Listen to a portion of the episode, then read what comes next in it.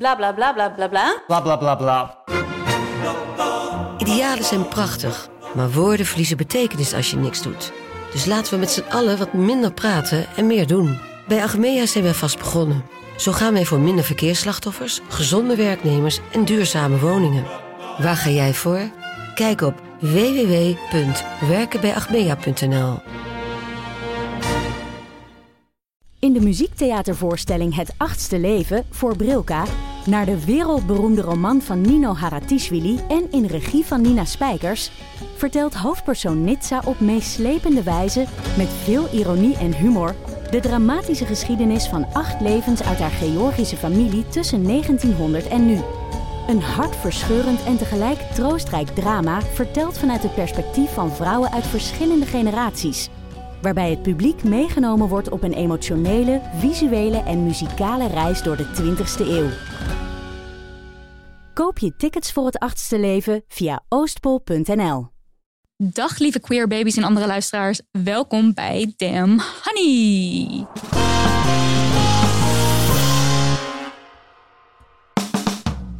Podcast over shit waar je als vrouw van deze tijd mee moet dealen. Mijn naam is Nidia. En ik ben Marilotte. En dit is aflevering 72. En aflevering 72 is niet zomaar een aflevering. Nee, het is tegelijkertijd ook een feest. Om te vieren dat deel 2 uit onze boekenreeks voor jonge mensen in de winkel ligt. En dat boekje heet Queer Baby. En Queer Baby gaat over verrassing, anything queer zijn en allerlei vragen die je als jong mens misschien hebt over gender en seksualiteit. Zoals, hoe weet ik of ik lesbisch ben? Moet ik uit de kast komen? Is het normaal dat ik twijfel of ik trans ben? Is het normaal dat ik twijfel aan alles? Enzovoort.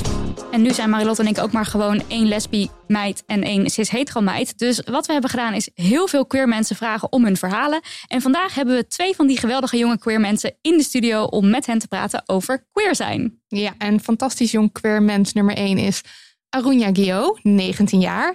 En zij viel ons pre-corona in de armen op lievelingslesbisch feest Janie. Godsamme, ik mis het. Lang geleden. Ik mis oh, het al echt hoor. Dat, is, dat voelt echt prehistorie.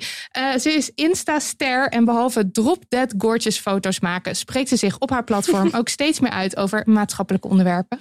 Hallo, welkom Arunya. Thank you, ik ben echt blij. Het uh, duurde echt lang voordat we Voordat dit gebeurde. Ja, het echt meeten. Maar ja. echt lang, inderdaad. Precies. Gast nummer twee is Sharmila. Ze is 18 jaar en we leerden haar kennen tijdens een fotoshoot waar ze aan het werk was als een make-up artist. En toen kwamen we erachter dat wij dezelfde geboortedag delen, namelijk Ja. 17 november. dus nou, de luisteraar begrijpt, wij waren meteen connected for Mhm. life.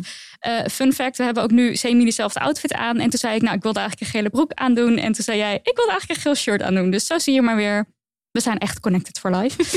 Los van eh, fotoshoots eh, doet Shamila nog veel meer werk als make-up artist. Maar in het bijzonder wil ik even je nieuwste initiatief noemen, namelijk de Transformation Masterclass.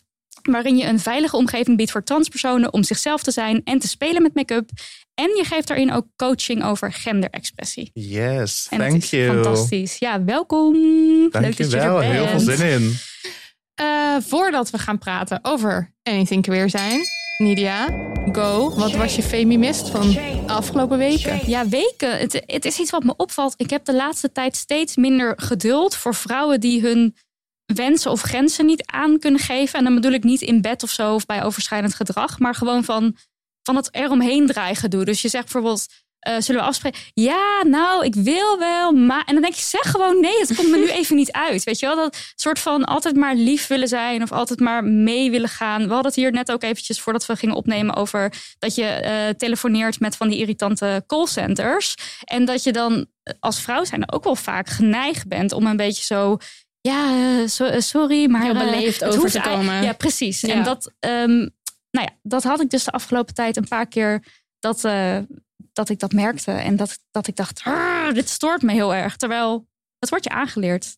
Zeker. Dus, dus wij- Ja. het, het is niet mijn recht om, ehm, om dat dan heel vervelend te vinden. En mannen doen dat veel minder, heb je het idee? Of is het echt gericht op vrouwen?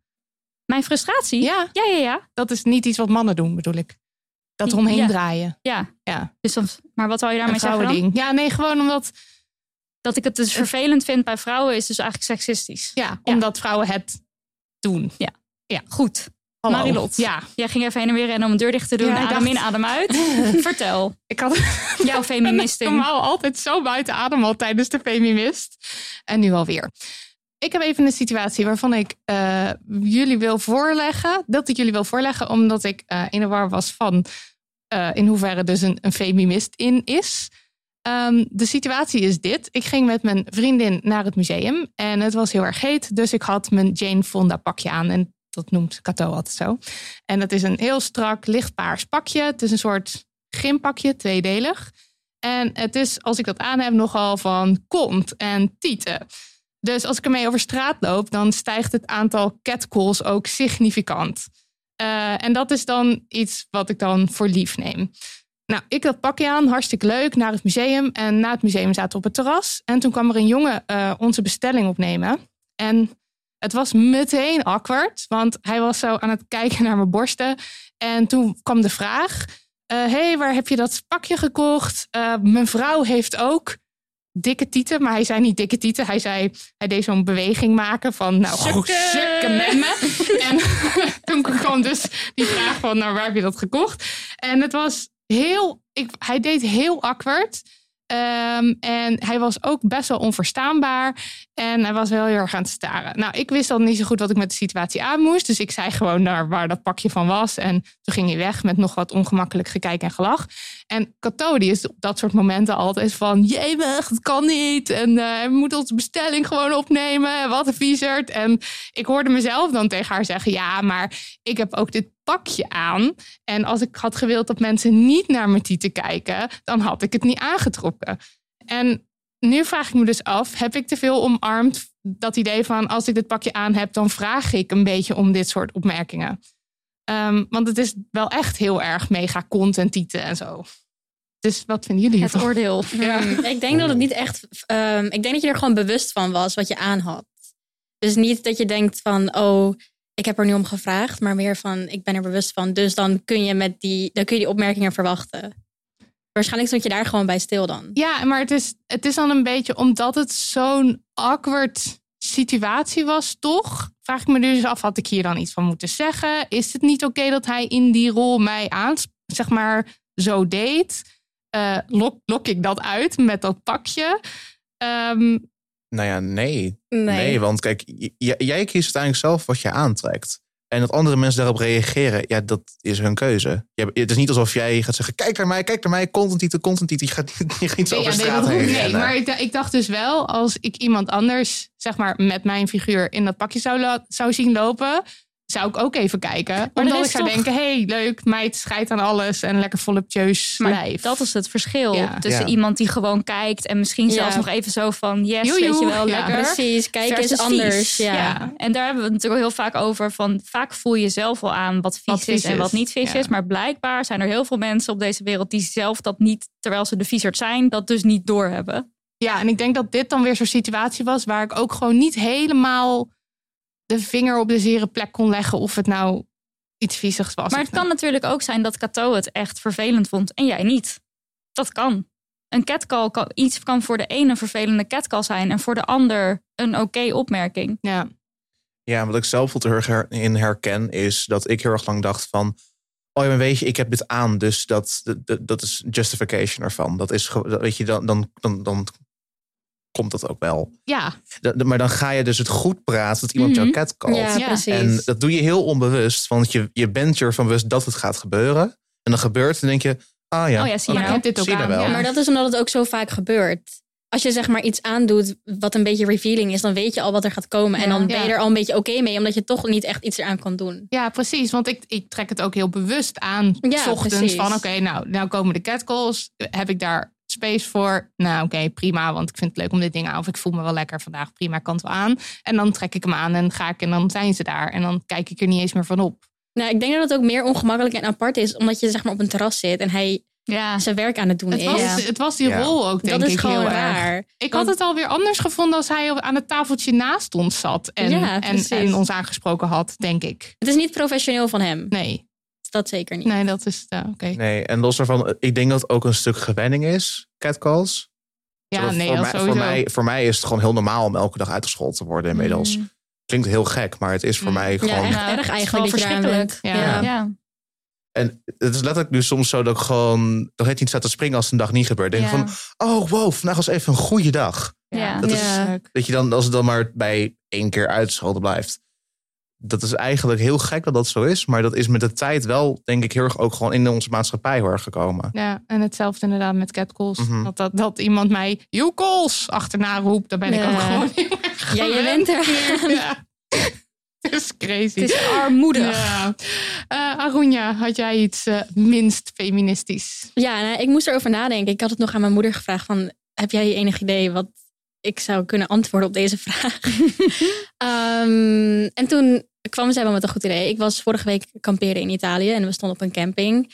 En ehm, ik heb natuurlijk veel dingen in mijn story gedeeld en zo. En veel mensen hebben niet echt een hele duidelijke beeld. Ja, een duidelijk beeld van Instagram versus reality. Die denken dat ik in een groot hotel ergens in Italië zit. Ik stond gewoon lekker op de camping. Heerlijk. Ja, dus, eh, en ik vond het helemaal prima. Dus ik was met mijn zusje onderweg eh, om af te wassen in mijn campingoutfit. Lekker tokkie.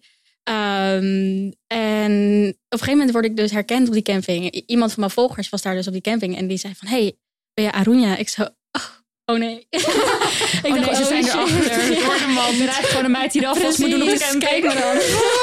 Dus nou, toen kreeg ik een klein beetje stress. En um, nou, eventjes kort gepraat. En eh, toen liep ik terug naar boven. En mijn moeder zei van, ja, waarom heb je geen praatje met hem gemaakt? Toch leuk? Hij is toch gewoon een volger van jou? Dus ik zo, mam, kijk hoe ik eruit zie. Dat kan toch niet? Nou. En toen dacht ik, ja, maar weet je, ik heb wel gewoon dat ik op mijn Instagram elke keer preach van jongens, ehm, Instagram versus reality, dat ik ook wel gewoon af en toe foto's post zonder make-up en zo. En gewoon, maar dan ben ik nog steeds zelf in controle, laat ik nog steeds zelf zien. Ja. En nu had ik zoiets van, eigenlijk is het echt erg dat ik nu niet met deze persoon wil praten, omdat ik mezelf er niet uit vind zien, terwijl ik het wel op mijn social media preach een beetje. Dus Ja. Ja. Goeie Ja, hoor. goeie, en ja. je moeder goed onthouden. ja, zeker. Ik vond het wel een scherp Ja. Ja. Sharmila. Ja, poeh, ik, ik moet nog steeds nadenken. Ik denk dat het. ehm, mijn feminist is. Ja, het, het, het heeft vooral te maken met eh, ook eigenlijk wel zelfbeeld. Dat ik heel erg heb gemerkt dat ik me de afgelopen weken toch weer een beetje heb geconditioneerd in. Is dit wel acceptabel wat ik aan heb? Eh, weet je, als ik hier naartoe ga, dan moet ik wel make-up op. Want anders gaan mensen. Weet je, dan gaan mensen misgenderen. Dan ga, dat ik me heel erg daarop weer ging aanpassen. En uiteindelijk dacht ik weer van. Maar waar, ik, ik, zoals vanochtend ook, ik wist van, weet je, we gaan foto maken. Dus vandaag Mhm. moet ik dan wel er goed uitzien, weet je. Mhm. Maar wanneer, dan denk ik nu weer van, maar ik zie er altijd goed uit. Fuck dat. Ja, precies. Ja, Ja. precies. Ja, maar ik herken mezelf er ook wel in hoor. Ach ja. Ja. En En dat je er allemaal denk ik even toch? actief weer aan moet herinneren dat Ja. je er gewoon fucking goed uitziet. Ja, precies. absoluut. Maar, maar ik, ik denk dat dat voor mij het meest feminist was van Mm. de afgelopen weken. Dat ik echt gewoon weer dacht van, ik zei ook letterlijk gewoon tegen mijn zusje van, ja, vandaag is uh, zwerver Jamila weer, eh, weer op straat. en dan denk ik ook weer van, maar dat, één, dat moet ik niet zeggen. Ten tweede, Waarom? Ik- omdat ik alleen maar in een joggingbroek en een hoodie rondloop en op mijn, en op mijn slippers. Dat, ja, wat, Ja. wat maakt dat uit? Ja. Ik denk dat dat eigenlijk het, het meest feminisme was van de afgelopen weken. Goeie. Tijd voor post. Tijd voor post. Post. Post. Post. Eerst, zoals tegenwoordig altijd, een leuk bericht van Laura. Hoi Marilotte en Nidia. Ik moest vandaag naar de huisarts in verband met twee abscessen, ontstekingen, in mijn liezen. Ik was, al eerder, ik was er al eerder voor bij de huisarts geweest, maar het ging helaas niet over, dus ik moest nog een keer. De vorige keer had ik me speciaal voor mijn huisartsenbezoek geschoren. Ik kan je vertellen dat je vulva en alles scheren terwijl er twee ontstekingen zitten niet prettig is. En de laatste tijd scheer ik eigenlijk ook alleen als ik daar zelf zin in heb. Soms elke keer, elke paar dagen of elke week en soms drie maanden niet. Voor mijzelf en binnen mijn relatie is dat helemaal prima, maar toch overwoog ik me vandaag weer te scheren, speciaal voor de huisarts. Maar ik hoorde jullie stemmen in mijn hoofd en heb besloten het lekker niet te doen. Want waarom de fuck zou ik, als ik daar zelf helemaal geen zin in heb en het zelfs pijnlijk is en ongemakkelijk voelt? Ik was stiekem een beetje trots op mezelf en dit had ik een tijd geleden en zonder jullie podcast nooit gedaan. Thanks en liefs. Yay! Laura. Go, Laura. Wat een heerlijk overwinningsbericht. Ja. Het poststuk. Komt-ie. Hallo, fantastische heldinnen. Vandaag was ik samen met een vriendin lekker topless aan het zonnen bij een buitenbad. Een medewerker kwam naar ons toe en zei dat een kind had geklaagd dat we geen topje aan hadden en vroeg of we die aan wilden doen. Om de medewerker niet te belasten hebben we gedaan wat ze vroeg en vervolgens ons ongenoegen geuit via een mail naar het zwembad. Ik vind dit dus echt heel netjes, hè? dat ze dus dachten van oké, we gaan niet bij haar neerleggen, we gaan even mailen. Goed gedaan. Dit werd gelukkig snel gelezen en er kwam meteen een meneer naar ons toe om hierover in gesprek te gaan. Helemaal top. Totdat hij ons topleszonnen vergeleek met het drinken van een biertje bij het zwembad. Dat mag ook niet, want het is nu eenmaal de regel. Mijn vriendinnen en ik hebben uitgelegd dat we dit anno 2021 niet meer vinden kunnen. Mannen mogen ook topless en het is niet ons probleem dat onze borsten worden geseksualiseerd. We hebben uitgelegd dat dat discriminatie is, omdat mannen het wel mogen. De meneer maakte het toen echter nog erger door te zeggen dat hij eerder ook een man had aangesproken die in een string en bikinitopje zwom. Dat mocht blijkbaar ook niet, ook al staat in de regels alleen dat badkleding verplicht is. Ik begrijp dat de mensen van het zwembad gewoon iedereen tevreden willen houden. Maar wat als er nu meer mensen zijn die er geen probleem mee hebben dan die er wel een probleem mee hebben? Dan lijkt mij dat het beleid aangepast kan worden. Het zou mooi zijn als deze mensen weten dat er een grote groep mensen is die geen probleem heeft met topless zonne. Misschien kunnen mijn mede-honingballen ook een mail sturen naar dit zwembad. Boschbad, dus met SCH, at acres.nl, A-C-C-R-E-S. Of naar een zwembad naar keuze. Om dan te checken wat hun beleid hierop is. Of waarvan bekend is dat dit ook niet mag. Het zou super tof zijn als jullie dit willen delen. Liefst Suzanne. Holy hell. En waarom ik, waarom ik dacht van we, kunnen hem even bespreken. Even los van of mensen nou wel of niet gaan mailen. Gewoon even de situatie en wat we vinden van topless zonde. En ehm, dit alles. Holy hell is je Holy eerste hell. reactie. Je, daar- je gaat toch zoveel mis. Ja. Het is echt... En hoe? eh, En ik hoe? weet niet eens waar ik moet beginnen met hoe en vrouw onvriendelijk en queer onvriendelijk nou ja, deze plek is. Maar ik denk dat dit bij meer plekken wel gebeurt.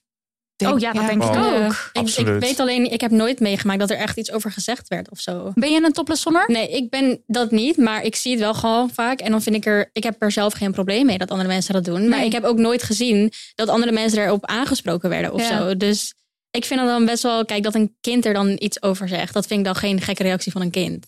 Nou, vooral als een kind het niet gewend is. Ja. En dus ook geleerd krijgt dat Maar dat, iets dat is dus wel eigenlijk slecht. Dat een kind dus al dat afstotelijk vindt om Ja, te precies. zien. Precies. En het is dan de vraag van ga je mee in de wens van het kind? Of, of geef je dan aan bij het kind van nou ja, misschien dat jij het een beetje apart vindt. Maar deze vrouwen of whoever daar ligt gewoon dus kunnen, ja. moet gewoon daar lekker zelf, eh, zelf voor kiezen. Ja. Ja, maar dat is dan ook weer een, een apart ding. Dat zie ik heel vaak bij zwembaden. Dus Maar toen ik nog wel comfortabel genoeg was om te zwemmen. Dat dan eh topless zonne mag niet. Maar kinderen mogen ook bijvoorbeeld weer naakt rondrennen. Mhm. Dat is wel weer helemaal oké. Dus Maar ook niet altijd, hè? Want ik had dus toevallig laatst nog een tweet gelezen. ehm, dat, van ene at Mrs. Martine. En zij tweette, wat een... En dan allemaal van die ehm, Shit show. ja, ja, van die tekentjes van hier staat een scheldwoord. Vriendin van mij mag haar dochtertje van twee geen zwembroekje meer meegeven naar de opvang, want dan zijn haar tepels ontbloot. Het moet een zwempakje zijn. Absurd. Het seksualiseren van kinderlichamen. Stop hiermee. ja. Een kind van twee, wat dus geen tepels mag laten zien. Want Man, dat is dan toevallig het- een meisje. ja, Ze heeft Oh, een wat vulva. En daarom echt want niet. met, bij een jongetje doen ze dat niet. wat precies hetzelfde natuurlijk eruit ziet. Echt, echt. pff, Ik weet niet eens. ja, ziek. Maar ook, Echt het, ziek. het is ook dat, dat dus ehm, vrouwen, of in elk geval deze, deze meiden met borsten, wordt verteld: je mag je tepel niet, je mag je niet topless doen, je mag je tepels niet laten zien. En dat er dan een ja, de situatie. Ja, nou, we weten niet helemaal niet of het een meneer is natuurlijk. Maar de situatie dat het. Dat staat in de mail. Maar ik bedoel, wij weten niet wat de gender van deze persoon is. nee, dat is zo. En ja. dat er dus gezegd wordt: u mag dit hier niet dragen. Dat is. Nou ja, Ja, ik- dat is Ja. natuurlijk nog vele malen erger. Nou, Ja. vind ik nog vele malen erger dan de situatie met de blote borsten. Ik ook. En, en, maar het, het is sowieso zo bizar dat eh, eh, iemand die dan dus als vrouw gezien wordt, mag geen tepels laten zien. Iemand Mhm. die als man gezien wordt, mag dat, moet juist zijn tepels laten zien. Ja. Is Maar dit is heb ik dus gek. meegemaakt. Hè? Ik voel me niet meer comfortabel om te zwemmen, omdat ik gewoon weet... ik word aangesproken op het feit dat ik een bikini aan heb. Ik word er gewoon op aangesproken. Er is zo van, ja, jouw soort is hier niet welkom. Dat is gewoon wat ik te horen krijg. Heftig. Ja, Ja, dat Het is dus heel erg op het moment dat je niet voldoet aan de beelden die wij hebben van hoe mannen en vrouwen zich horen te kleden, word je erop aangesproken. ja, en dus het seksualiseren ervan. ja. ja. Wat dus ook, ja, Dus ook ik vind het lastig om te zeggen, want ik weet niet hoe het vroeger was, maar het lijkt alsof het dus erger wordt. Alsof dus blote borsten steeds meer gezien worden als Heel erg. En steeds meer geseksualiseerd Ik denk worden. dat het ook ligt aan bepaalde plekken en mensen waar je mee omgaat en bepaalde kringen. Want ik denk dat het inderdaad nu bijvoorbeeld op openbare stranden erger is. Dus dat mensen het minder vaak doen. Ik denk Ook het- vanwege het eh, fotograferen natuurlijk. En ja, dat denk ik ook. Ehm, maar bijvoorbeeld op social media wordt het wel wat meer ge- niet geaccepteerd, want het wordt nog steeds Ja, maar weggeblurred. je mag het niet laten het mag, zien. Het mag niet, maar er zijn wel veel vrouwen die nu ehm, gewoon alsnog zeg maar, tegen de regels ingaan. Het alsnog posten. Ja, en Ja. dan bijvoorbeeld een bloemetje of zo over de tepel heen posten. Ja, het wordt wat meer genormaliseerd op, op social media onder zeg maar, de jongeren. Ja. Dat gevoel heb ik Maar dan. het feit dat je dan die tepel dus wel weer moet afplakken. Dat, dra- als Vertelt- jij ja. altijd dat beeld ziet van Ja. die tepel die dus afgeplakt is op zo'n foto. Dan ga je toch denken van die tepel, die moet ik niet zomaar zien. Want dan, Nee, dat, is, dan gebeuren er allerlei dingen opeens of zo. Ja, het lijkt bijna alsof hoe meer zichtbaarheid ervoor is, hoe meer afzet er komt. Hoe meer weerstand er wordt geboden er tegen. Ja, Als- zodra, Hmm. zodra mensen weer gaan, juist wel weer het willen Ja, laten zien. Dat maar dat, weer, dat zie je met heel veel dingen. Dat zie je ook met eh, representatie van queerpersonen in de media. Zodra er meer queerpersonen zijn in de media, komt ook veel meer weerstand op social media. Komt er veel meer weerstand Ja. in de fysieke wereld. Want huh, dit hadden wij nog niet hoor. Dit bestond niet eh, een paar jaar geleden. ja, normaal doen of whatever mensen Ja. dan allemaal Ja. voor een troep komen aanzetten. Ja. Ja, Er zijn gewoon nog heel veel eh, eigenlijk ja, gevaarlijke, of vrouwenvriendelijke, queeronvriendelijke plekken in Nederland. Heel veel. En, en daarover mailen, dat lijkt me op zich een heel goed idee. Je uitspreken daarover. Absoluut. Maar wat zou je zelf eigenlijk? Want jij, jij, jij stond toch nog wel eens topless, Marilot? Ik zon wel eens topless, ja. wat maar zou jij doen als je wordt aangesproken daarop? Ehm, Van eh, ja, die, die ik, heb, ik ben er ook gewoon nog nooit op aangesproken. Maar ik heb het gevoel dat ik dan mijn bek open zou trekken. Tenminste, op dit moment. Zoals ik nu in het leven sta, Ja, zou ik denk ik zeggen... ik Maar ben het misschien- er niet mee eens. Maar misschien als je op dat moment in zo'n situatie zit, dat je ook wel een beetje verrast bent en niet meer zo goed weet wat dat je kan moet ik me zeggen. ook heel goed voorstellen. Maar ik, ja, ik, ik zou... Ik, ik lees die brief en ik voel zeg maar... adrenaline zo Ja. door mijn lijf. Als, Ja, maar het klinkt... Ik bedoel, eh Suzanne die de brief instuurt... Die, die heeft het volgens mij ook allemaal heel duidelijk uitgelegd... aan de persoon van het zwembad. Maar die, die had daar geen boodschap Nee, aan. precies. En dan voel je gewoon die frustratie zo dan helemaal niks meer gaan. doen. Maar je kan er niks mee. Nee. Je gaat ook niks veranderen. Je kan of blijven of weggaan, waarschijnlijk op dat moment. Eh, ja, en mensen oproepen om dus eh, aan te schrijven. Ja, dit, Ja. dit zwembad moet het wel. Maar de- en vooral ehm, dat eh, iemand wordt aangesproken op het dragen van een, eh, een topje. Dat staat niet eens in de regels. Want Nee. bij, die, bij, bij dan eh topless zonne, dat staat dan misschien nog in de regels. En oké, Dat maar is gewoon regels dat- verzinnen Dat eigenlijk. is regels verzinnen in je hoofd omdat je vindt dat het niet hoort. Ja. En daar heb ik echt, ah, nou ja, ik heb gewoon heel veel problemen met dit. Ja. Zin in het protest. Ja. Zoals altijd. Aha. Dankjewel voor je brief, Suzanne. Het is weer sponsortijd, schattenballen. Maar we hebben geen sponsor. Help. Meid, I know, maar geen paniek, want ik had al wat bedacht. Vertel. Deze aflevering wordt bij deze gesponsord door Transformation van Masterclass van Shamila Mua. Nou, yes! Nou, ongelooflijk. En met dit initiatief wil Shamila een veilige omgeving creëren voor transgender personen, zowel degenen die zijn begonnen met hormoontherapie als zonder, om zichzelf te zijn en te spelen met make-up. Maar Shamila, echt super toevallig dat je hier gewoon naast me zit nu. Eh, kun je er zelf iets over vertellen? Helemaal weggeslagen. Oh, wow. Thank you. Dit zag ze niet aankomen. Nee, heel lief van jullie. Zometeen schatten. sturen we de rekening hoor. Ja, komt goed. Nee, vertel. Nee, de Transformation Masterclass is een project waar ik drie jaar lang aan heb gewerkt. En het is iets wat ik echt zelf heb gemist in het begin van mijn transitie. Ehm, ik ben zelf een transvrouw en uh, voornaamwoorden zijn eh, zij haar. En ik ben zelf nog op de wachtlijst voor hormoontherapie. En ik heb zelf heel erg gemerkt, vooral in de tijd dat ik nog genderzoekend was... en nog niet zeker wist wat ik wilde... dat ik heel erg zocht naar ehm, hulp met mijn genderexpressie. Want ik wist nog niet hoe wil ik het eruit laten zien. Ook vooral met make-up, want dat is ook weer een heel groot ding... vooral de afgelopen jaren geworden voor heel veel queer personen. Hoe uit je dat? Mhm. Um, de intentie is vooral om het te hebben voor uh, alle transpersonen en non-binaire personen die hulp willen en hulp nodig hebben. Um, maar uiteindelijk gaat het gewoon om genderexpressie. En dat kunnen uiten in een veilige plek. En dat ook te kunnen doen met een ervaringsdeskundige in plaats van een cisgender persoon die toevallig bij een groot ziekenhuis werkt. En daarmee zeg ik denk ik genoeg. een groot ziekenhuis. Een groot ziekenhuis. Vul zelf maar in. Nou, ga voor meer informatie naar sharmilamua.nl. Sharmila schrijf je met SH en uh, meld je direct aan. Ja, sharmilamua.nl.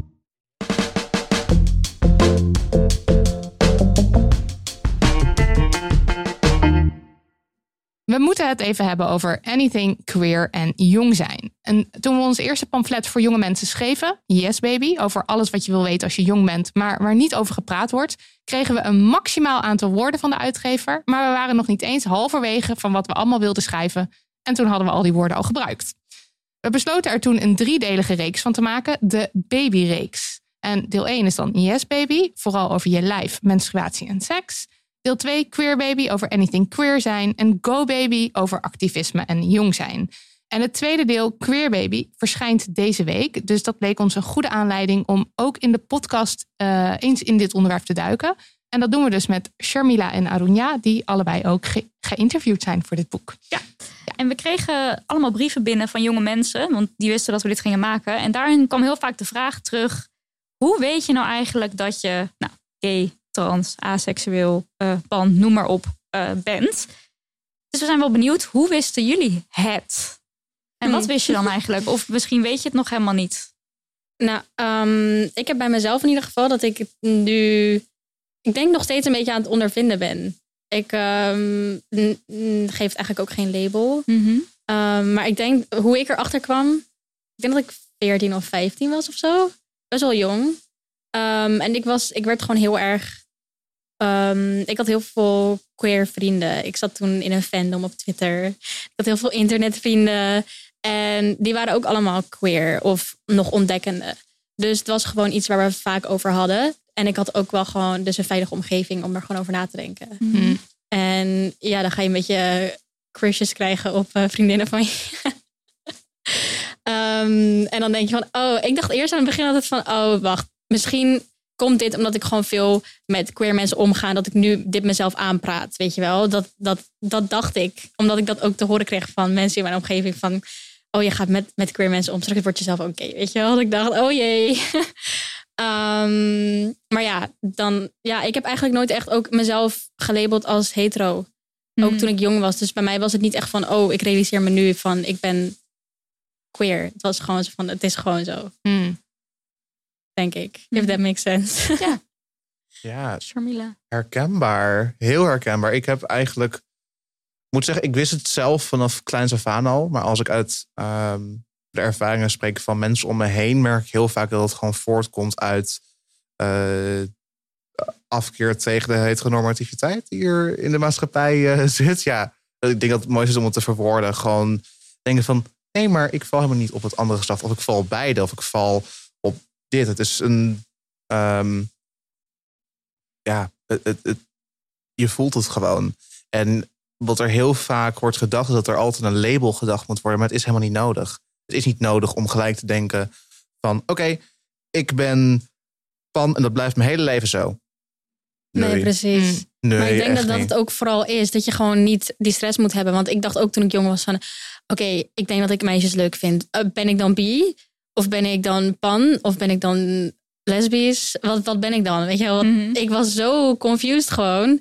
Maar op een gegeven moment heb ik gewoon mezelf die rust gegeven van... Je hoeft helemaal niet te kiezen, weet je wel. Je moet gewoon zien hoe het gaat. Dus ik heb Ja. nu ook altijd... Alleen je krijgt zo vaak die vraag van mensen. Van, oh, wat ben je dan? Ja, ik herken het heel erg dat je het gevoel hebt voor jezelf dat je dan dat label Ja. kiest en dat je dan niet meer terug kan of zo. Ja, of dat dat het dan is. Ook door, omdat er zo'n druk staat op uit de kast komen... is zo van, oké, dus je zegt dat je dit bent... En dan ben je dan dat. ben je dat ook. Dan moet je ook blijven, weet je wel. Ja, Dan kan je niet zomaar ineens, eh, als je zegt ik ben gay, dan kun je niet zomaar ineens met een jongen thuiskomen. Dat kan niet. In mijn hoofd was Ja. dat dan wel zo toen ik jong Mhm. was dan. En ja, als je daar zeg maar die, ehm, com- als je je daar comfortabel in voelt, dan je moet er gewoon, gewoon go with the flow en dan zie je het wel. Ja. Ja, heel herkenbaar. En ik denk ook dat het heel erg te maken heeft met ehm, het idee van met labels makkelijker uit te leggen. Ja, zeker. Want het moet vooral heel erg begrijpelijk zijn voor anderen. Ja. Zeker, inderdaad. Fuck dat. Ja, sorry. Kijk, als jij niet kan snappen dat ik een eh panseksuele transvrouw ben, dan ja, sorry. Dan, dan, dat is jouw probleem. dat is jouw probleem. Ik ben een trans, ik ben een transvrouw en ik val op mensen. Nou, hey, is dat, genoeg, is dat genoeg, is dat genoeg uitleg voor je? Nou ja, mensen weten heel vaak niet wat panseksueel is. Want dan krijg je natuurlijk de, de klassieker. Dus jij valt op pannen, Eh, toch? Ja. Ja. Maar panseksueel betekent dus je valt op mensen. Je valt op mensen en het gaat dan eh, voornamelijk om energie en innerlijk. Dat is eigenlijk de uitleg erachter. Eh, ik zeg vaak voor het gemak ook biseksueel. Ehm, Maar ja, het, het, het, het boeit me niet. Zolang je, ja, het klinkt heel... Het is meer voor de Hmm. ander dat je dan eigenlijk zo'n label gebruikt dan dat je per se ja, zelf... ik, ik zeg altijd, ik val gewoon op mensen. En ik Ja. zie wel wie ik val. Eh, en dat, ja, voor de rest Ja, dat herken ik ook wel. Dat je inderdaad voor andere mensen jezelf een label geeft. Want als mensen echt aan mij vragen van oké, wat ben je dan? Dan zeg ik ook vaak gewoon van ik ben bi voor ja, je weet nooit. Misschien kom ik wel een keer met een man thuis. Kans is klein, maar je, weet- je weet kan. het nooit. Je wilt niet Precies. uitsluiten. Nee, alle precies. opties open houden. En eh, twijfel, want nou ja, misschien dat jij, eh, Marilot, het voelt een beetje raar dat ik die vraag stel misschien, maar ehm, wat we wel hoorden van mensen en wat jij geloof ik ook had, is dat je dan denkt van, ik kan er niet over twijfelen, want als je het bent, dan weet je Dan het. weet je dat. Ja, dat, met dat gevoel had ik altijd. Eh, wat jij zei over, of wat jij zei, Arunja, over ehm, vrienden die eh, dat je dan zoiets hebt van ik ga met zoveel queer mensen of met gay vrienden om, dan, dan it rubs off on me. Ja. Eh, dat, dat gevoel heb ik dus ook een tijd gehad dat ik dan me zo erg in het, in het gay leven begaf. Dat ik op een gegeven moment het gevoel had: nee, ik wil hier gewoon zo graag bij horen. Ja. Dat ik nu denk dat ik Inderdaad. lesbisch ben.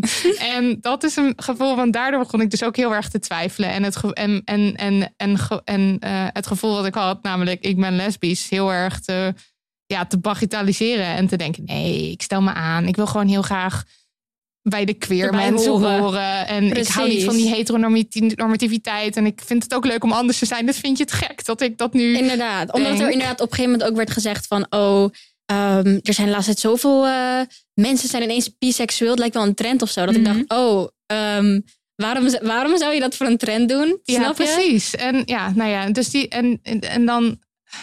Het, voelt zo, het voelde bij mij soms gewoon alsof ik niet gay of queer Genoeg was. genoeg was. Oh, die voel ik heel erg. Same. Heel herkenbaar. En ik, kijk, die twijfel is heel normaal, want je, je, weet het nooit volledig. Er is altijd een stukje twijfel.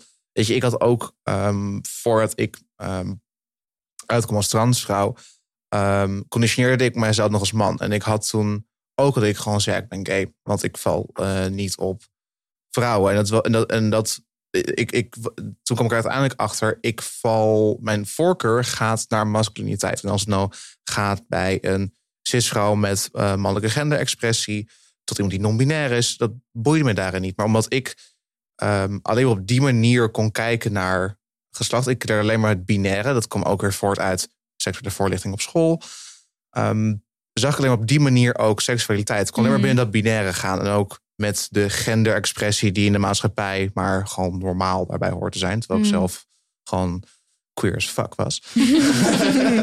Ja, en Ja. Wat, wat is genderexpressie dan voor de mensen die dat Eh, niet weten? Genderexpressie is de manier waarop jij jouw gender uit. En dat kan dus zijn eh, dat je bijvoorbeeld een cisman, eh cisgender man bent, maar dat je wel bijvoorbeeld in volgens de maatschappij gezien vrouwenkleding draagt. Dus of dan heb je bijvoorbeeld een jurk, is dan iets wat de maatschappij als vrouw ziet. En een cisman, die kan dan dus in zijn genderexpressie zich vrouwelijk uiten.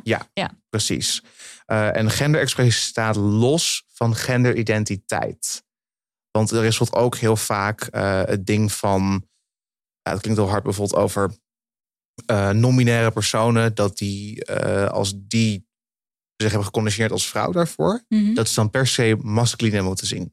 Dat ze per se masculine moeten zijn in een genderexpressie. Ja, maar dat ja, ja. maakt echt Of dat ze er niet uit. neutraal uit moeten. Dus Neutraal, geen, je mag dan geen make-up leuk vinden. Of je mag Ja. niet een jurk dragen. Alleen maar is grijze neutraal. kleding Ja. aan. Het moet allemaal heel neutraal. neutraal. Maar dat slaat nergens op. Want Ja. genderexpressie kan... Je hoeft niet eens je te identificeren als trans... om een eh, apart soort genderexpressie te hebben. En ik denk dan dat, want je zou dan kunnen zien als genderidentiteit zit in je hoofd, is Genderexpressie Eh, is... en genderexpressie is hoe je je uit naar de wereld precies. toe. En daarin denk ik dat veel mensen nog wel wat meer kunnen wennen aan, of mogen wennen aan het idee dat bijvoorbeeld er mannen zijn met vulva's, dat er vrouwen zijn met een penis, dat er dat zeg maar het, dat het allemaal door elkaar kan lopen en dat Ja. dat dus eh, ja, ja, ik, We zijn gewoon nog zo... De maatschappij, een heel groot deel van de maatschappij is nog zo geobsedeerd met het binaire geslacht. Mhm. ja. Het is En- heel erg hokjes denken ook. Ja, maar, da- maar daar kom je ook weer terug met die labels. Ja, Het precies. is toch dat label is nodig, dan is het begrijpelijk. Dan kunnen we er een stempel opleggen en dan snappen we wat Dan het weet is. je hoe het, hoe het zit, ja. Ja, en dat is vooral omdat het dan ook makkelijker te, te, het uit te leggen is op school of eh, tijdens een onderzoek. Maar is het niet, want eh, ik kan daar heel erg in meegaan over labels van het is voor anderen en uitlegbaar. Maar ik weet dus ook voor mezelf dat toen ik dacht, oh my god, ben lesbisch. Ik vond het wel heel erg fijn om dan Ja, zeker, dat label te kunnen plakken. Zeg Want- maar. Het, het, aan de ene kant gaat het heel erg vaak om eh, het makkelijk uitlegbaar maken voor anderen. Maar het geeft ook een beetje bevestiging voor jezelf. Want als jij jezelf kan herkennen in dat label. eh, of je kan jezelf herkennen in een andere persoon die zich identificeert met een label. Mhm. denk ik van, ik heb het gevonden. De speurtocht is voorbij. Ik, ik ben uit het doolhof. Ik snap het eindelijk. Ja, regenboog, engelen, Regenboog, engelen, Ja. confetti. eh, ik, Ja, dat kan toch een heerlijk gevoel zijn? Ja. Absoluut. En dan heeft een label, is dan ook heel fijn. Voor... Ja, het is heel fijn, maar het zou ons niet moeten definiëren. Nee. Nee, maar daarom, ik denk dat het inderdaad is zodra iemand zich gewoon fijner voelt met een label. Ik kan het ook heel goed begrijpen. Dat je gewoon voor jezelf een soort van af kan sluiten. Want als jij er jaren mee zit, je weet niet hoe je je daarbij moet voelen. Dan kan het echt zoveel rust geven in je hoofd als je gewoon eenmaal zo'n label erop hebt geplakt voor jezelf. En wat zou je dan willen zeggen tegen een jong iemand die nog, nou ja, nog echt zo denkt van ik weet het allemaal niet en het een beetje, een beetje paniek daar misschien ook over heeft? Ik denk gewoon, ehm, het heeft geen haast. Je kan echt op alle leeftijden nog een label op jezelf plakken. Het, het hoeft niet. Het is, ik denk dat heel veel mensen ook denken van, oh, om geaccepteerd te worden in de eh, community moet je een label hebben. En maar dat is ook niet zo. Je hoeft jezelf niet uit te kunnen leggen naar anderen. Het is zo erg eigenlijk dat je jezelf moet uitleggen naar anderen, terwijl je zelf ook nog zoekende bent. Mhm. Want dat is echt het moeilijkste ooit. Als je iets wil uitleggen terwijl je zelf echt geen idee hebt wat er gaande is, zeg Ja. maar. Ja, zeker. Je bent ook niemand uitleg verschuldigd. Precies. Je hoeft niet eh, jouw gevoel te rechtvaardigen.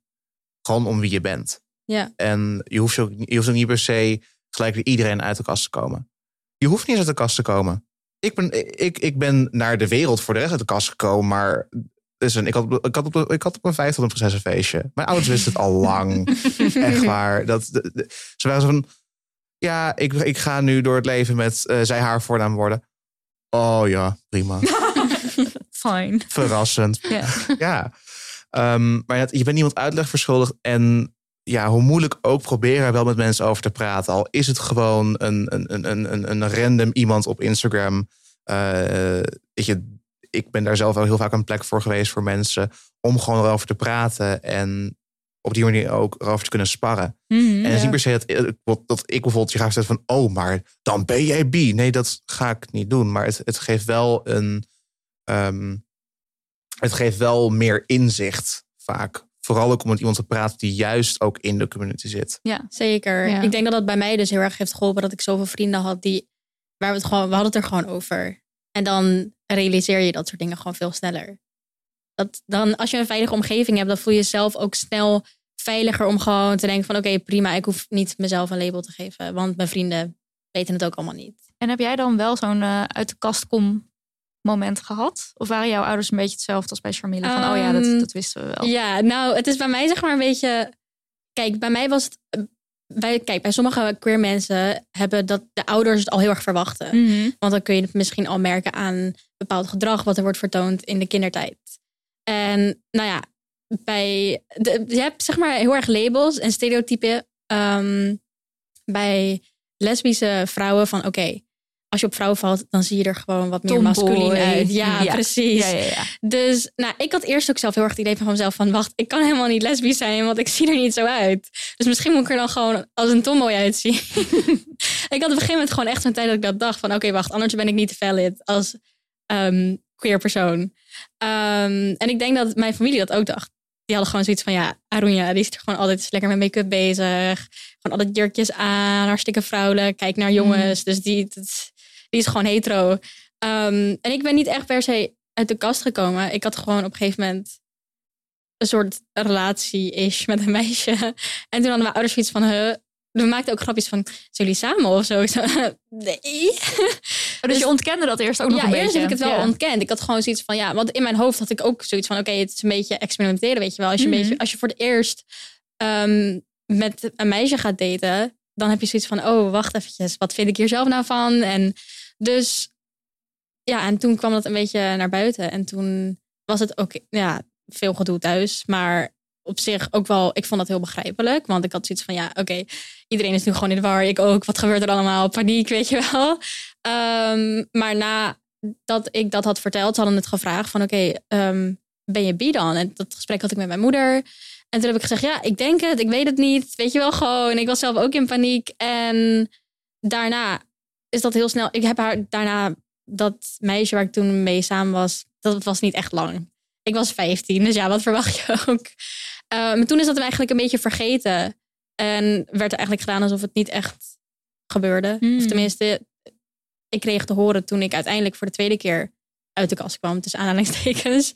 Um, want toen was ik echt wel in een serieuze relatie met mijn ex. En dat heeft ook 2,5 jaar stand gehouden. Toen was het zo van, oké, wacht, het is echt, het was geen fase. Ik denk dat het de eerste keer echt als fase werd gezien van, Mm. oh, het is een trend. Ze is 15, ze heeft veel gay vrienden, dus ze is gay geworden. Ik denk dat ze dat onbewust ehm, dachten. Ja. Maar ja, ja, zo is dat een beetje bij mij gegaan. Eigenlijk Mm. one big mess. En hoe kijken jullie in het algemeen naar dat hele uit de kast komen concept? Er wordt net al best wel vaak uit de kast komen tussen haakjes, weet je wel. Ja. Het voelt niet helemaal lekker. Maar wat was jullie, eh, hoe kijken jullie daarnaar? ik vind het een lastige, want aan de ene kant eh, is het. Aan de ene kant is het belangrijk, want het voelt voor jezelf een soort overwinning van ik vertel het anderen nu. Het, het geheim is eruit, mensen gaan me nu zien zoals ik ben. Ehm, maar het voelt bijna alsof het nu verplicht is geworden. Mhm. Zeg maar, als jij niet jouw big coming out hebt gehad, dan ben je niet valid. En dat is gewoon onzin. Ja. Dat is de grootste onzin die er is, want je hoeft niet eh, fucking flikvlakken te doen en zeggen: Ik ben queer. Het is wel leuk. Het- mag. we, we moedigen het Zeker, aan. Als je- zeker. Ja, als, Ja, ik jij dat, zien. als jij dat wilt, doe dat vooral. Weet je, ik ben niet degene die gaat tegenhouden. Maar het is niet nodig om gelijk er een, een, er een groot ding van te maken. Doe het on your own terms. Ja. En het, en het is oneerlijk, omdat iedereen geboren wordt en dan de aanname is, die is hetero. En, En dan- cisgender, en ja. cisgender. Ja. En, dan, en dan moet jij daar op een gegeven moment...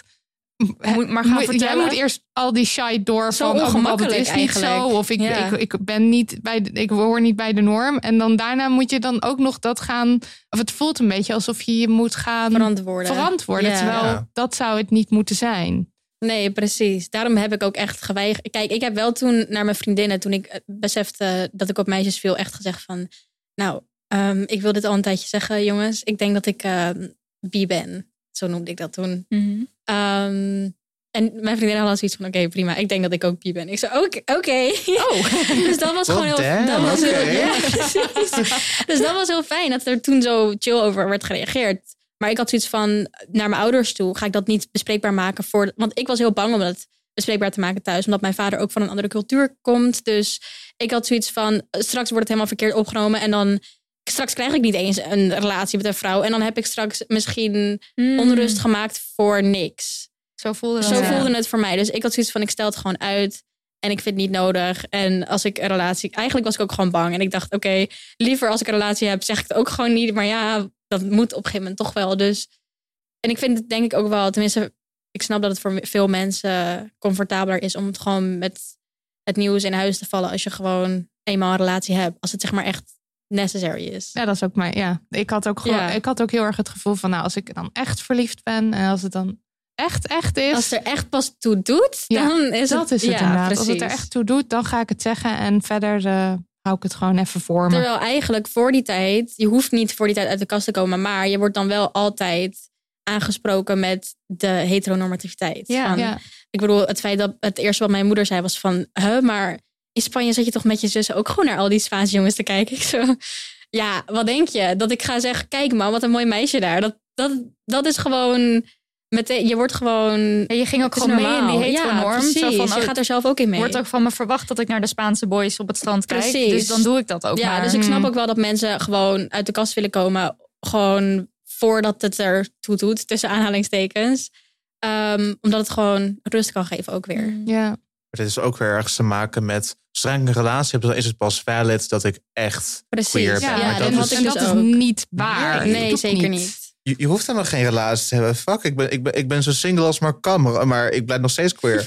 ja, Ja, het, het, het, je- het is niet nodig om gelijk in het, ja, in het extreme tussen aanhalingstekens te gaan.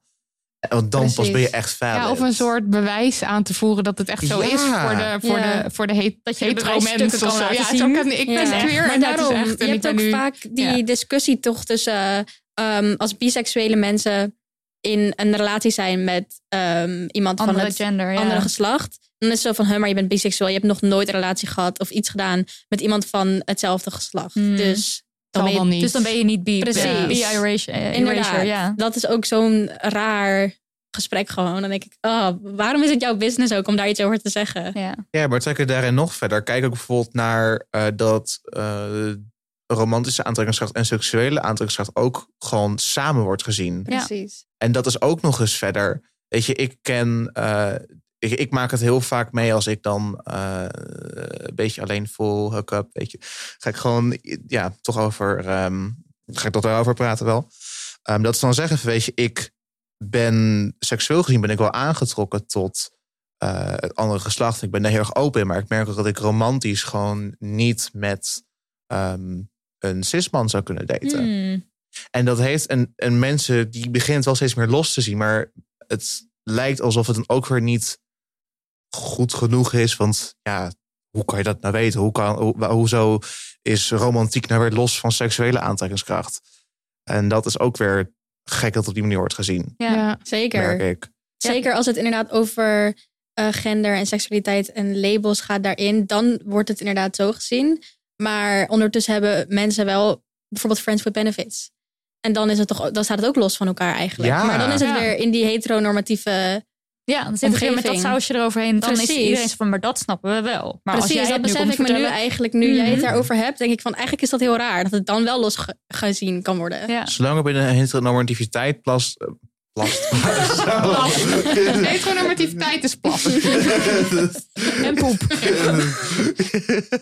ja, nee, maar zolang het erin past, dan is het oké. En Ja. als het ook maar een klein beetje erbuiten neigt, buiten Is de norm, is het meteen niet oké. Ja. ja. En kijk, nu zijn jullie natuurlijk jong, want jonge queer mensen. Ehm, je zou hopen dat het bij jullie generatie en bijvoorbeeld jullie seksuele voorlichting, dat dat anders was dan hoe Marilot en ik het gehad hebben. Wat dus nog super cis-normatief, super heteronormatief was. Maar in de wandelgangen hoorden we al dat het ook nu nog steeds niet helemaal Vertel.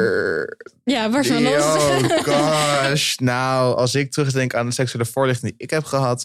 In ehm, welk kader kreeg je het? Biologie of andere? eh, ik kreeg het op de basisschool. Oh, dat is al wel. Daar begon het al. Ja. Dat begon vanaf groep zes, denk ik al. Oh, wat vroeg. Ja, ik dat begon vroeg. heel de, vroeg de wel. lentekriebelsweek. Lentekriebels, ja, Ja, ja. inderdaad, lentekriebels. Daar begon het, maar dat was ook enorm heteronormatief. En dat was eigenlijk alleen maar over... ehm, het was gewoon een beetje voorbereiding op biologie. Er ging niet heel erg veel over eh, seksuele aantrekkingskracht. Het was ook heel erg hetero- heteronormatief. Het ging ook alleen maar daarover. Ehm, de clitoris werd niet eens besproken. Dacht ik Mm. ook al van, oh... ehm, dat is volgens mij wel het Best belangrijk. best Belangrijk. Hè? Maar ondertussen kunnen we wel eh, alle gevoelige delen van de penis uitleggen. Maar prima. Ehm, en toen tijdens biologie hebben we het er ook over gehad, maar dat ging ook alleen maar over anatomie. Het ging niet over eh, alles wat buiten die heteronormativiteit past. Het ging alleen maar over het binaire geslacht ook weer. En toen dacht ik op een gegeven moment echt van, maar ik herken mijzelf hier eens niet in. En op dat moment dacht ik van, oké, maar waar moet ik nu naartoe? ja. En wat heb je toen gedaan? Eh, ja, dit raad ik niet aan. Echt niet. Eh, ik, ik, heb het, ik heb mezelf onderwezen. Ik, was heel, erg- ik, ik ben altijd heel erg autodidact geweest. Ik heb, al- ik heb heel veel dingen aan mezelf geleerd. Ehm, en ik heb toen toch een slecht voorbeeld vanuit eh, porno het eigenlijk alleen maar geleerd. Hmm, Hmm. Omdat er niks anders was. Er was niks anders. En, er, en er was ook niks, er was niemand die het besprak. Kijk, en ik ben nu 18. Het was voor mij, denk ongeveer drie à vier jaar geleden dat ik voor het laatst het echt over dat soort dingen heb gehad. Hmm. Dus dat het voor mij op zo'n korte tijd al niet meer is geweest, ja, staat nergens op. En daarin moet het ook gewoon veranderen, vind ik. Want het gaat niet alleen maar over anatomie. Het moet over veel meer dan dat gaan. Ja, ja, nee, dat mist. Want, eh, want dingen als consent of. eh, Oh, is dat hell. Er wordt echt niet Helemaal over gesproken. Nee. Nee, nee, absoluut niet. Ik heb ook echt. ehm, het erge is nog, eh, ben ik gelijk. Het is wel even een kort trigger warning. Hmm. eh, gaat wel over eh, verkrachting. ik ben zelf op. Uh, toen in het begin van mijn uh, queer zijn ben ik uh, door een groep mannen verkracht. En ik heb dat op dat moment heel lang stilgehouden. Ik heb het aan één leraar verteld. Hmm. Um, en toen werd ook gezegd, toen werd door hun gezegd, maar ook door de politie uiteindelijk toen ik aangifte deed. Ja, maar je vraagt er wel om als je zo uitziet. En ik was toen 13. Ja. Jezus, heftig. En Ja. dat is gewoon letterlijk wat je tegen een 13-jarige, wat tegen een 13-jarige dan wordt gezegd. Ja. En dat, dat, dat, dat slaat gewoon nergens op. Dat mijn queer zijn en mijn genderexpressie is blijkbaar een rechtvaardiging is van hun actie. Ja, Ja, het is afschuwelijk. echt Ja. fucked up. En kon je met iemand daarover praten uiteindelijk? Nee. Er was niemand die, Nee, dat, nee, die dat want- begreep of die dat... Het, het erge was eigenlijk, ik heb eh trajecten gehad bij eh, gewoon normale GGZ. Alleen het ding was dat het er niet besproken werd, want het is ehm, speciale zorg. Ook omdat het te maken had met ehm, mijn queer zijn en dat ik er ook heel veel trauma's aan over had gehouden. Ook omdat ik ehm, ja, te maken had met seksualisering eh, vanwege mijn trans zijn. En zeiden gewoon, ja, weet je, het kunnen we hier niet behandelen. Dan moet je maar naar, dan moet je maar naar, eh, moet je naar, naar genderdysforie. Moet je, daar kunnen we het maar met je bespreken. En dan als je daar naar ons wordt verwezen, dan gaat het weer verder. Maar we kunnen niks over gender hier hebben. Want daar weet helemaal niks vanaf. Dus met andere woorden, je komt in, op een dikke wachtlijst. Ja, zoals nu. Ja, Ja. nog steeds, ja. Nog steeds. En uiteindelijk heb ik. eh, ik zeg niet dat ik van trauma's af ben. Maar ik ben wel op een punt nu dat ik er meer eh, over. Ja, ik kan ermee leven. Ik kan erover praten zonder in tranen uit te barsten. Mhm. En ik hoop daarmee ook dat ik een. Ja, niet een voorbeeld kan zijn, maar dat ik wel eh, het bespreekbaar deur kan maken. Want er ben, er ben zo'n taboe zitten. Ehm victim blaming is nog steeds zo'n enorm groot ding. En wanneer je over uitspreekt, is het gelijk van. Ja, maar dan, dan heb je geen echt trauma, hè? want trauma dat hou je natuurlijk stil. Dat werd mij letterlijk gezegd toen ik het eerste keer vertelde aan een vriendin. Dat, dat, waarom zou eh, het feit dat ik me uitspreek over iets eh, mijn trauma minder maken? Waar, waar- waarom zou Ja, daar meer- bepaalt, wie mag überhaupt er iets over zeggen? Waar is de maatstaf? Ja. Ja, het, het is ziek. En, en, en eh, wat, eh, wat heeft jou dan wel geholpen? Of wat, Ehm, ik weet niet of je daar iets Ja. over kan vertellen of wil vertellen. Ehm, nee, wat mij heeft, ja, het heeft me niet echt geholpen, maar het heeft mij wel um, vooral te zien wat ik niet wilde. Eh, ik heb een hele tijd sekswerk gedaan. Dat kwam vooral uit voort dat ik geld nodig had. Ik wist, ik word geseksualiseerd als transvrouw. Ik ben een enorm grote fetish voor mensen, dus daar kan ik geld aan verdienen. Ehm, en op dat, moment, op dat moment was ik nog 17. Het is toch best wel kort geleden. Ehm, en ik heb daardoor echt heel erg gezien van dit wil ik dus nooit meer. Ja. Dat Mm. anderen de leiding gaan nemen over wat ik wil. En dat ik me maar moet overgeven daaraan. Ehm, en ik raad het absoluut niet aan. Het was survival sex work. En dat zou ik nooit shame. Want ik ben, op die, ik ben in die positie geweest. Maar eh, het heeft me vooral te zien wat ik niet wilde. Ehm, wat me wel heeft geholpen is toch uiteindelijk erover praten. En inzien dat het niet mijn schuld was. En Mm. die, die victim blaming, dat blijft heel lang zitten. Vooral door wat je hoort van anderen. Ja, je hebt het En- ook letterlijk gehoord natuurlijk. hè? En hebben anderen jou ook verteld, het is niet jouw schuld? Is dat ook gezegd? Eh, toen ik het uiteindelijk vertelde aan ehm, mijn, eh, mijn vader en mijn stiefmoeder wel. Maar dit, dat is, denk ik, drie maanden geleden. Toen heb je voor het eerst gehoord, het is niet jouw schuld. Ja. Ik, ik, er zijn weinig mensen die het eh, wisten. Ik heb heel lang heb ik het stilgehouden. En dat is eigenlijk heel bewust geweest. Maar ik dacht van ja, maar dan krijg je maar meer victim blaming op mijn nek. Heb ik geen zin in. Ehm, maar zodra ik het begon te horen, dacht ik... Ja, oké, maar weet je, ik zie er zo uit. Dus dan vraag ik er misschien wel om. En dat, dat, dat blaming, dat, dat, dat werd heel erg geïnternaliseerd. Tot ik zei van, maar hallo, wat zeg ik ook weer tegen anderen? Want eh, en probeer jezelf, hoe moeilijk ook, uit, buiten die situatie te zetten. Mhm. Stel je voor, je hoort iemand anders. Wat zou jij dan op dat moment zeggen? Ja. Dat heeft mij wel geholpen om het Mhm. in te zien. Je bent altijd erg streng tegen jezelf, terwijl je dat tegen anderen nooit zou uitspreken. Ja, Ja. absoluut.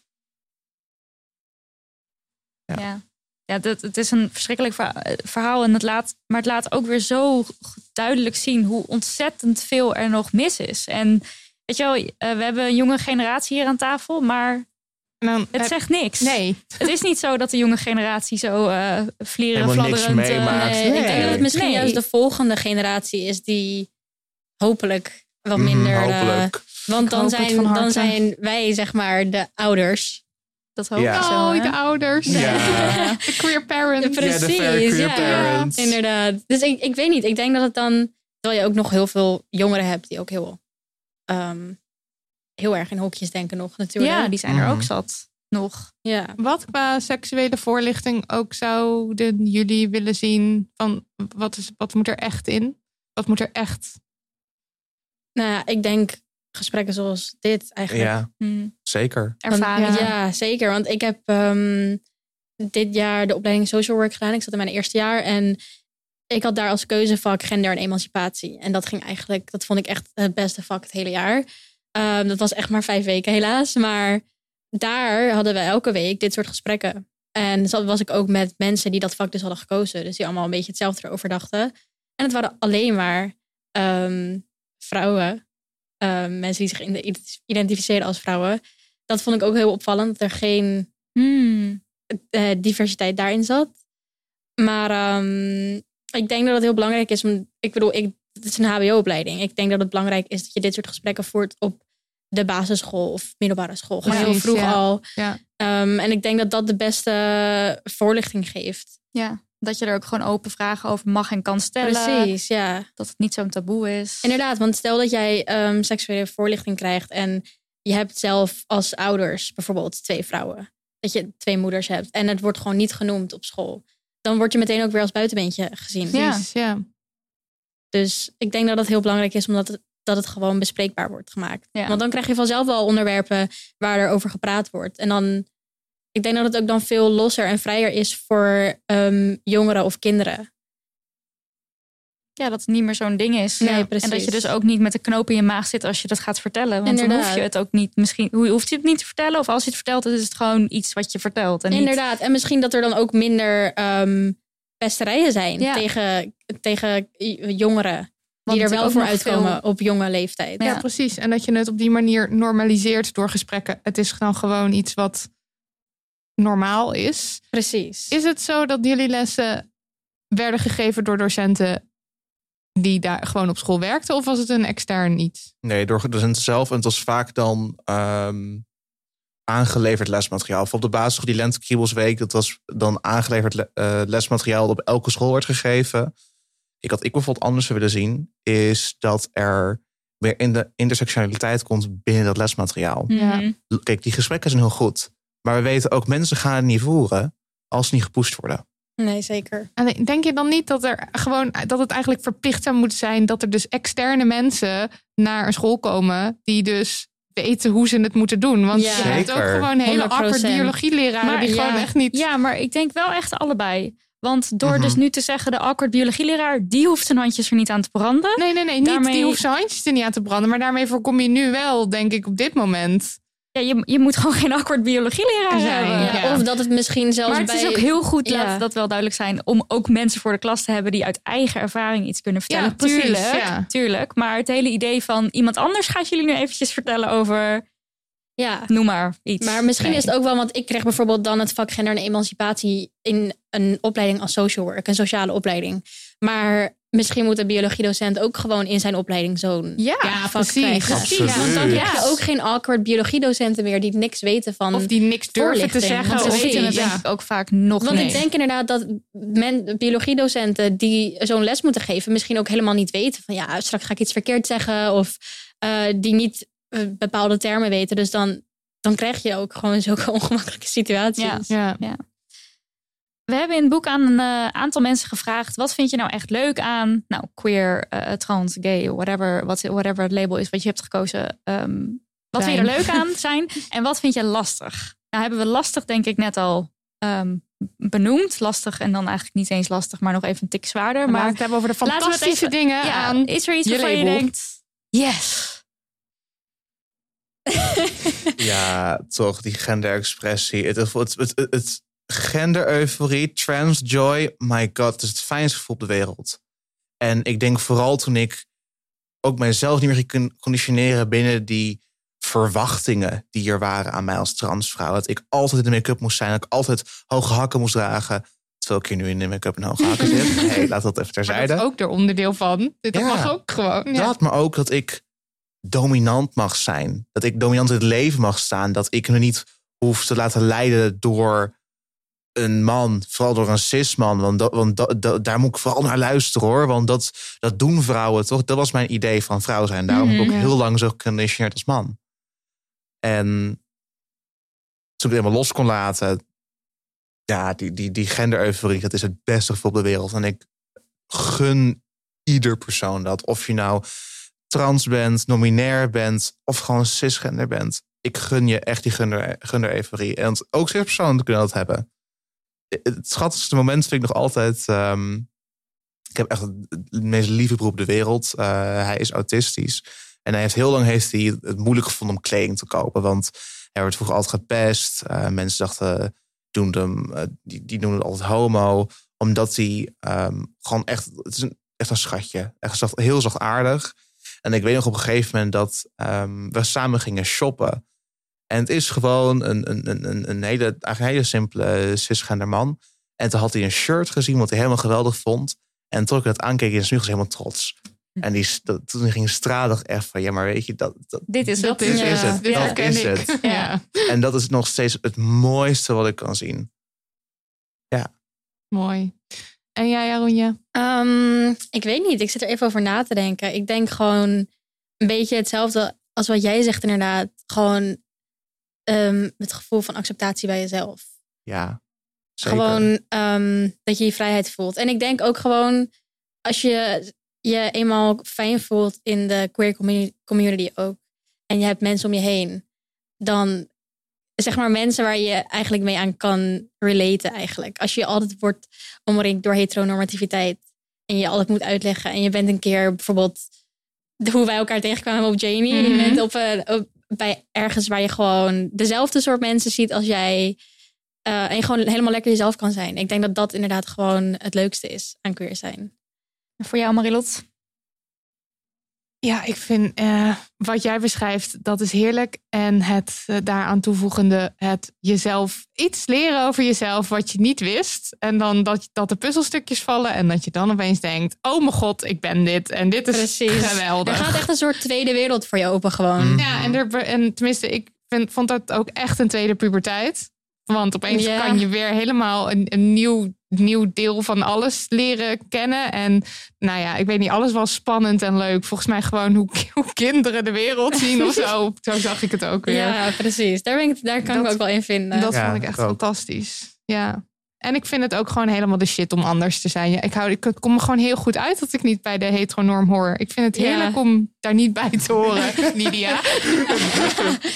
We love you though. Ja. Nee, oh, dat is wel ook echt wat, wat ik ook echt wel heerlijk vind. Is, want ik zie er volgens het stereotype dan uit als hetero. Omdat ik er niet tomboy uitzie. Maar ik vind het zo leuk om mannen te, teleur te stellen.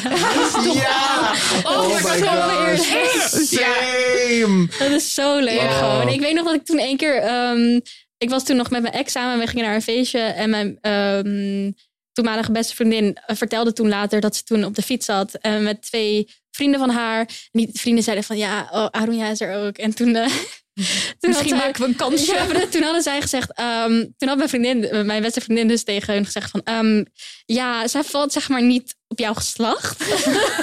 en ik hoorde dat ik dacht... Wauw, je bent echt een queen dat je dat zo verwoordt. Ik vond het zo Oh, heerlijk. Dat is heerlijk, Ja. ja.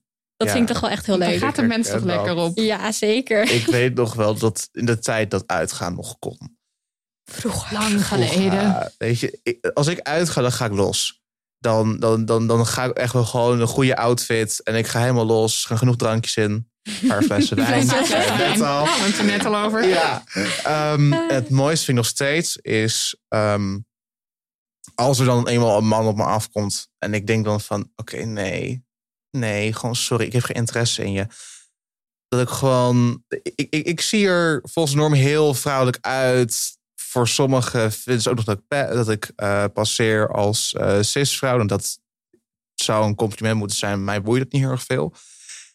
En dat ik gewoon dan, hallo, Oh, sorry. heel zwaar praten. Nou, Oei. ja, Maar het is eigenlijk ook, eigenlijk ook kut, natuurlijk. Dat dat Het dan is- dus een, eh, een, een, een afknapper Maar is. ik- of, ik, ik, het- het is fijn dat jij hem omdraait naar ja, iets wat dat voor vind ik jou... wel heel Ja. powerful. Dat je Dat het gewoon omdraait. Het is eigenlijk meer eh, niet eens van, oh, ze is trans. Maar het is, kijk, het kan ook gewoon een hele erg checkstem zijn. Ja. dat is ook weer een ding. Maar Zij heeft gewoon heel veel gerood tot haar achttiende.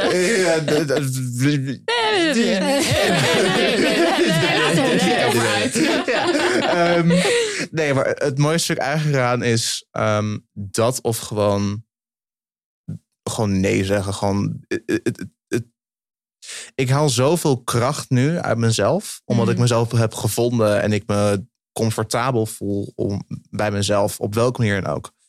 Ehm, wat ook veel moeite heeft gekost en soms nog steeds zal kosten. Mm. Uh, maar nu comfortabel genoeg met mezelf dat ik nu ook gewoon kan zeggen: nee, ik heb er geen zin in.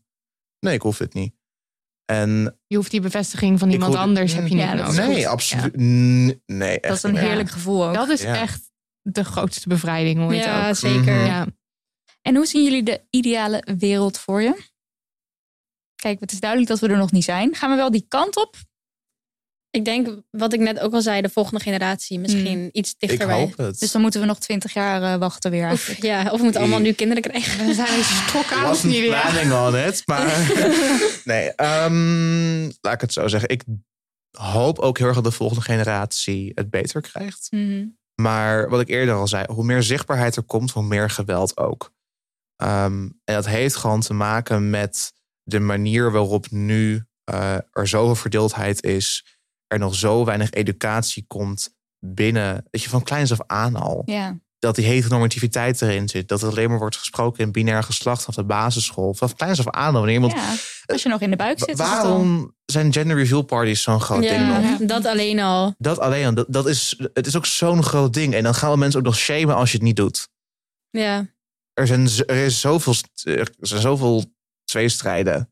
En je hebt zeg gaat- maar twee kampen gewoon. Ja. Niet eens twee, je hebt enorm veel kampen. Ik bedoel het feit dat... eh, 40.000 of als zo. mensen, ja, precies. Als mensen hun kind genderneutraal opvoeden, dan, is het, dan zijn er ook allemaal meningen tegen. Ja. En kijk, iedereen heeft het recht op een eigen mening. Zeker. Wat ik gewoon eigenlijk hoop, en dat is mijn ideale wereld, is een, idea- is een wereld waarin iedereen elkaar gewoon met respect behandelt. En Mhm. gewoon tolereert. Gewoon Geen laat. judgment. Ja, laat me gewoon Ja. leven. En kijk, ik zeg altijd, je mag me een hoer vinden. Je mag zeggen dat, er, dat ik er vies uitzie. Je mag me eh, alle scheldwoorden noemen. Maar blijf gewoon met je poot van me af. Maar toch ook niet, Ja, maar niet dat zeggen. Nee, tegen nee, maar Je- gewoon je dan mag als je het zo nodig Ja, vinden. Precies. Maar je, mag, je kan ook gewoon je maal houden. Precies, het is niet zo moeilijk. Nee. Ja, weet je, gewoon lip op elkaar, op elkaar houden. Je stembanden hoeven niet te trillen. Is niet nodig. God, je stembanden hoeft niet, hoeven niet te trillen. Nee. En bij Nee, ja, jou, Ronja? gelijk, ja. Ik denk eh, een beetje in, in diezelfde trant. Ik denk ehm, als iedereen gewoon lekker op zichzelf focust. Gewoon lekker zich met zichzelf bemoeit. Dan worden heel veel problemen al opgelost. Ja. En, Ja. en ik denk eh, inderdaad eh, dat er van jongs af aan al heel veel verandering moet zijn. Ja. Gewoon educatie. Ja, Let's change Ja. the world. absoluut. Lieve schattenpartijtjes, ik moet er helaas vandoor. Ja. Want eh, Places is hij to-? Places to bezoek. be, booked and busy. Ja, Eh, we zijn veel te laat die studio ingegaan omdat de Speld podcast voor ons zat op te nemen en maar eindeloos zat te lullen. Let's name Ah, and joh. shame. Eh, eh, eh, mm, Jawel. Not shaming. Oké, no shaming. We waren, nog wel heel lang aan, we waren ook nog heel lang aan het lullen over van alles. Klopt, dat klopt, betreft. klopt? Maar oké, je moet ons verlaten, dat vinden we heel jammer. Ja, Ja, maar ik heb We het wel gaan zo echt... verder met Elena Roenja. Hey, En jou in ons hart. ja. Ja, nee, ik vond with hem echt zo fijn. En ik moet echt zeggen, ik, eh, dit is de tweede podcast die ik ooit opneem met iemand. En ik vind het echt een hele fijne space. Jullie creëren echt een hele fijne sfeer. Oh. En dat heb ik, Oh, dat, heb ik al wanneer ik naar jullie luister. En dus ik nu in de studio ik dacht, oké, ik ben heel zenuwachtig. Ah, moet je dat me heel erg welkom voelen. echt lief, heel lief, welkom. lief, lief. Dankjewel, Dankjewel, dankjewel, dankjewel. dankjewel.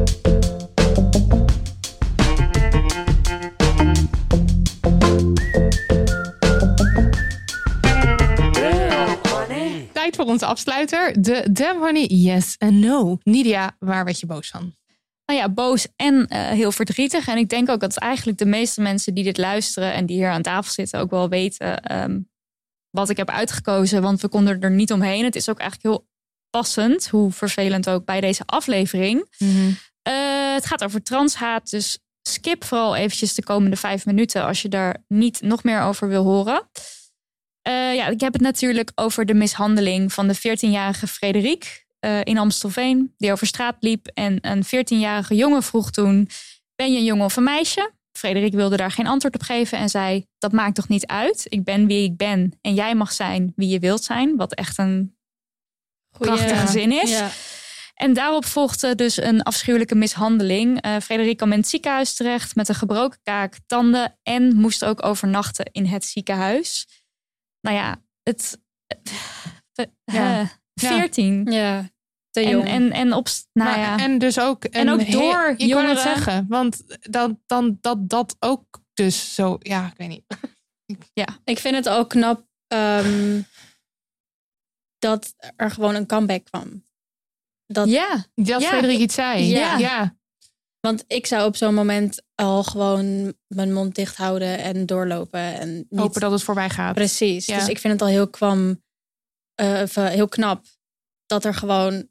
dat er iets gezegd Ja, werd. En dat nog zoiets moois. Ja, dat vind ik heel knap. ja. Want helemaal niet agressief of iets. Omdat als, de- eh, als ik op iets van geweld of agressie reageer, doe ik dat meestal ook met een middelvinger of met een soort Precies. agressief iets terug. ja. En dat, dat je dan zoiets moois uit je mond krijgt, vind ik eh inderdaad Daarom, heel daarom, daarom vind ik het vooral heel erg heftig gewoon. Dat ik denk, wauw, hoe kun je zoiets doen? Ja. Ja, Ja, en trouwens, wat er ook nog, wat er ook nog aan is, is hoe dan nu dus weer mensen dit gebruiken om weer eh, mensen weg te zetten als, ehm, nou ja, eh, noem het maar op, de verschrikkelijke Marokkanen doen dit weer, of zeg maar die hoek kiezen. Eh, of mensen die nu opeens zeggen, ja, dit kan echt niet. Terwijl ze nou ja, een week geleden nog een column schreven die uit elkaar, uit elkaar barstte van de transhaat. ja. Het, dat het dan ook nog eens zo wordt ingezet, Ja. dat, ja, dat is gewoon afschuwelijk. het is afschuwelijk. Door naar de yes. Ja, ehm, mijn yes sluit een beetje aan op de no van eh, jou, Nidia. Want eh, buiten de binaire man-vrouw verdeling vallen moet genormaliseerd worden.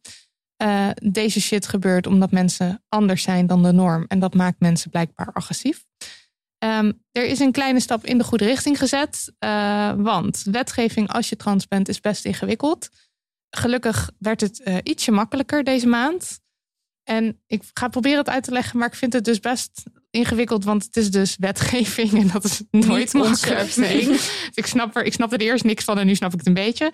Ehm, maar de rechtbank in Amsterdam heeft een non-binair persoon gelijk gegeven die de geboorteakte met terugwerkende kracht wilde laten aanpassen.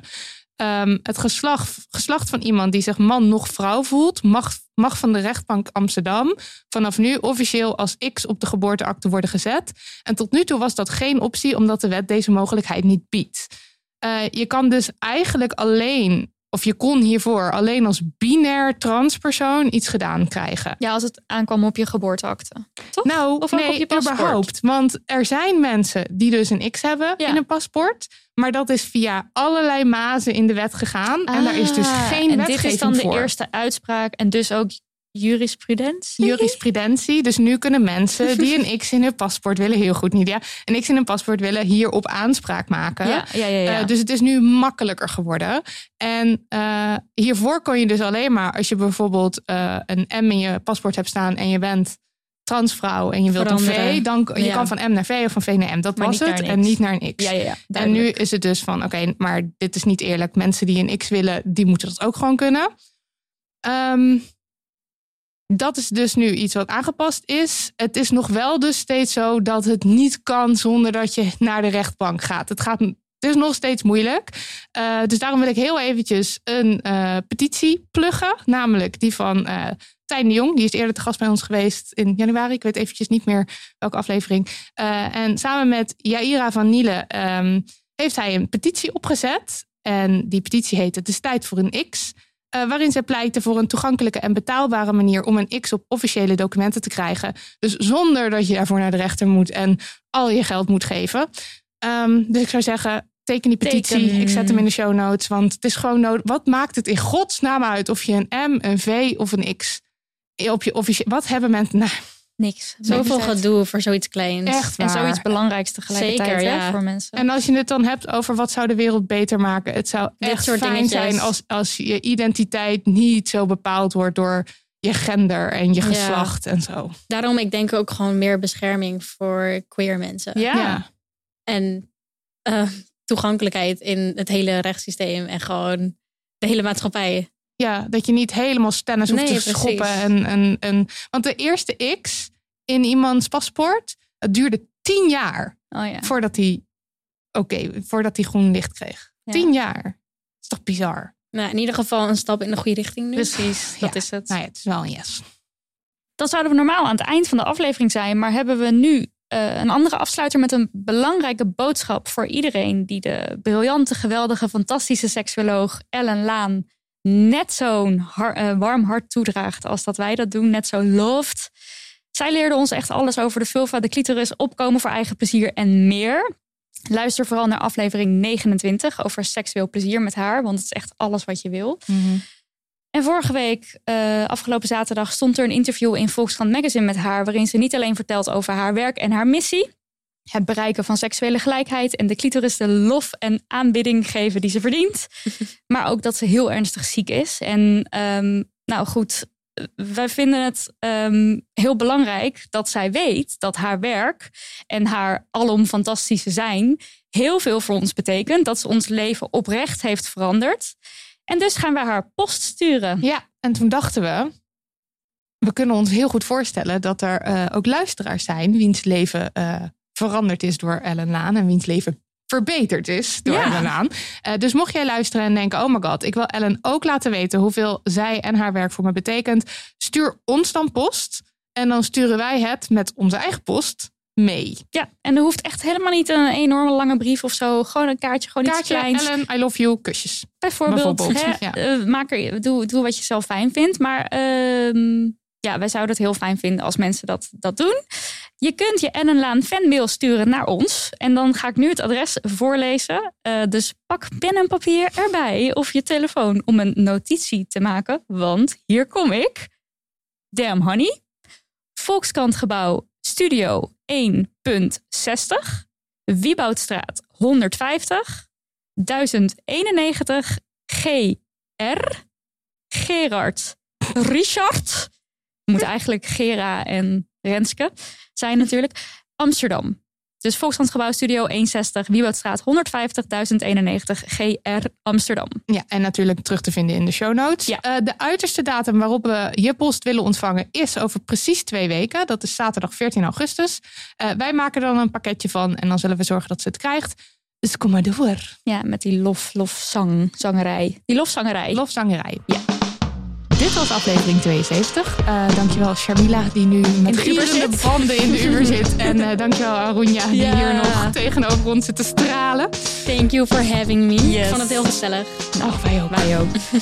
Daniel van den Poppen, Lucas de Geer, Lisbeth Smit. Bedankt voor de edit, de jingles en de website. Dank jullie wel, Poekenbeesties. En Ballies, wat fijn dat jullie weer intuned om onze zoetgevoelige stemmen te beluisteren. Mocht je ook met een brandende levensvraag zitten, stuur ons post. En doe dat alsjeblieft niet via onze Insta-DM, maar via info.damhoney.nl. En je zure centen kun je kwijt op petje.af slash damhoney. Eh, steun ons met een maandelijkse, maandelijkse donatie en dan krijg je toegang tot exclusieve bonus content waarin we je de oren van de kop kletsen. Ik heb, we hebben helemaal niet gezegd wanneer verschijnt die queer baby dan? Wat is dat dan? Wat, eh, hè? wanneer komt Dat het? is zo. Ja, 4 augustus geloof ik. Heb ik dat niet aan het begin gezegd? Weet ik veel. Ik ook niet Dat is meer. alweer zo lang geleden. Mensen, luister goed. Als je nog er bent, als je nog niet uitgetuned bent. En je wil dat boek. En je wil dat boek, wat ik me goed voor kan stellen, want het is enig. Queer Baby ligt vanaf 4 augustus in de winkel. Koop het, Ja, en geef het ook aan die awkward biologiedocent. Ja, Alsjeblieft, dankjewel. Ja. Love you. Love you. We moeten nog iets met zelfweten zeggen. Zelfweten. Oh Koop of het, niet. Of doe maar gewoon. Ja. Ik raad het wel aan. Ja. Doei. Nog even over die grootse en epische muziektheatervoorstelling. Het achtste leven voor Brilka is een marathonvoorstelling van 5 uur. Koop je tickets voor deze bijzondere theateravond via oostpol.nl.